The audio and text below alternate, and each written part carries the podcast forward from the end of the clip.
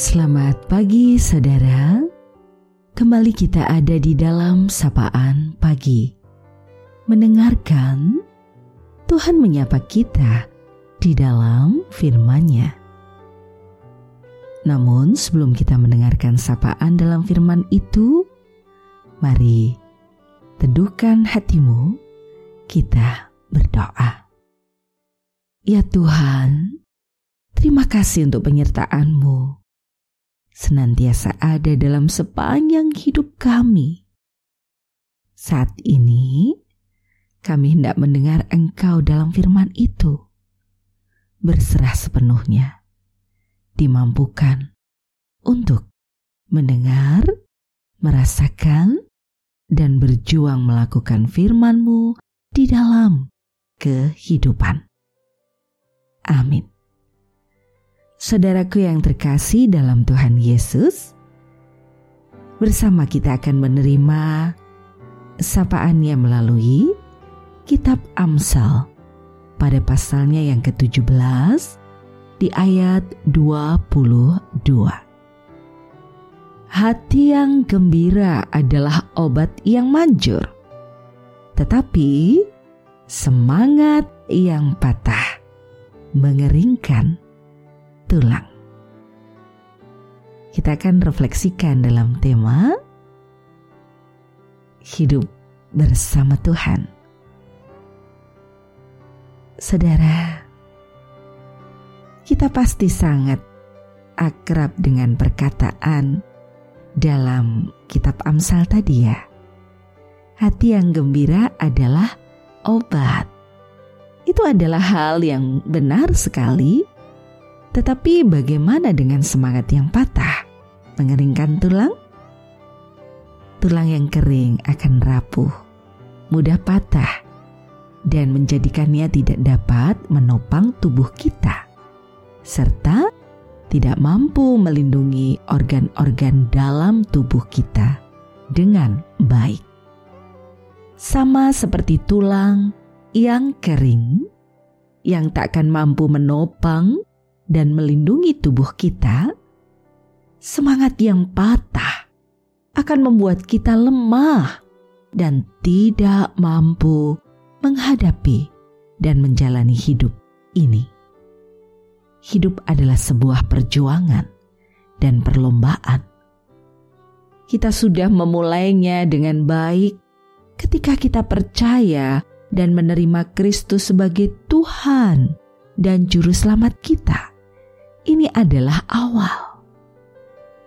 Kita masih harus berjuang dan terus berjuang hingga kita mampu menyelesaikan perjuangan ini dengan iman yang terus berserah kepadanya. Dengan iman yang terjaga, kita akan dihadapkan pada tantangan, permasalahan, pergumulan yang bisa jadi sulit dan silih berganti.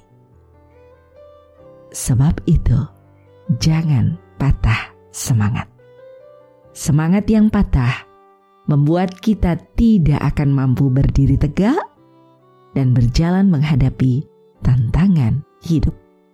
Semangat yang patah juga akan membuat hati kita tidak terlindungi dan mudah tersakiti Semangat yang patah akan menjadikan kita lemah dan tak berdaya, bukan hanya secara mental. Bila itu terus terjadi, bukan mustahil akan membuat fisik kering, rapuh, lemah, sakit, dan tak berdaya. Karena itu, tetap semangat. Ada pengharapan besar yang menanti kita bersama Kristus, kita bisa menjalani hidup dengan baik. Dan kita yakin penyertaannya senantiasa ada. Selamat pagi saudaraku. Selamat terus menjalani dan melakukan gitu ya serangkaian aktivitas terencana hari ini dan salam bahagia penuh dengan semangat dan sukacita. Salam sehat juga dan taati prokes agar kita semua tetap sehat. Kiranya Tuhan Yesus terus menyertai dalam sepanjang hidup kita. Kita akan akhiri sapaan ini dalam doa. Mari saudaraku teduhkan hatimu kita berdoa bersama. Terima kasih ya Tuhan.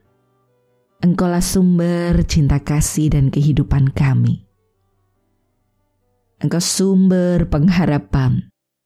Dalam segala hal yang terjadi, kami hanya mampu berserah kepadamu di tengah segala upaya yang kami lakukan. Untuk seluruh peristiwa hidup, disuka dan duka yang kau izinkan, kami belajar memaknainya sebagai cara Tuhan menempa hidup kami menjadi pribadi yang kuat dan tangguh. Kami menyerahkan kehidupan semesta ini dalam segala rangkaian narasi cintamu yang baik. Kami berserah untuk setiap saudara kami dalam kondisi sakitnya oleh karena berbagai hal yang dia alami. Satu persatu kami serahkan padamu. Untuk mereka yang dalam pemulihan, untuk mereka yang kau izinkan untuk terus berjuang di saat dalam kondisi terpapar COVID-19 kami berserah kepadamu Tuhan. Untuk mereka semua. Dan kami berserah untuk setiap pergumulan-pergumulan kehidupan kami. Engkau tak pernah meninggalkan dalam kesendirian. Engkau menopang dengan kehadiran banyak cara menjadi tanda kehadiranmu. Dan pada akhirnya, kami menyerahkan sepenuh hidup di sisa waktu yang masih ada, juga dalam pertolonganmu Tuhan. Maka hanya di dalam nama Tuhan Yesus, sumber kehidupan dan cinta kasih yang sejati, doa ini kami naikkan. Terima kasih ya Tuhan. Amin. Saudaraku, demikianlah sapaan pada pagi hari ini. Terus, dengarkan Tuhan menyapa kita dalam firman-Nya ya. Saudara bersama saya, Esti Widya Studi, Pendeta Jemaat Gereja Kristen Jawa Pakem, ada di lereng Gunung Merapi.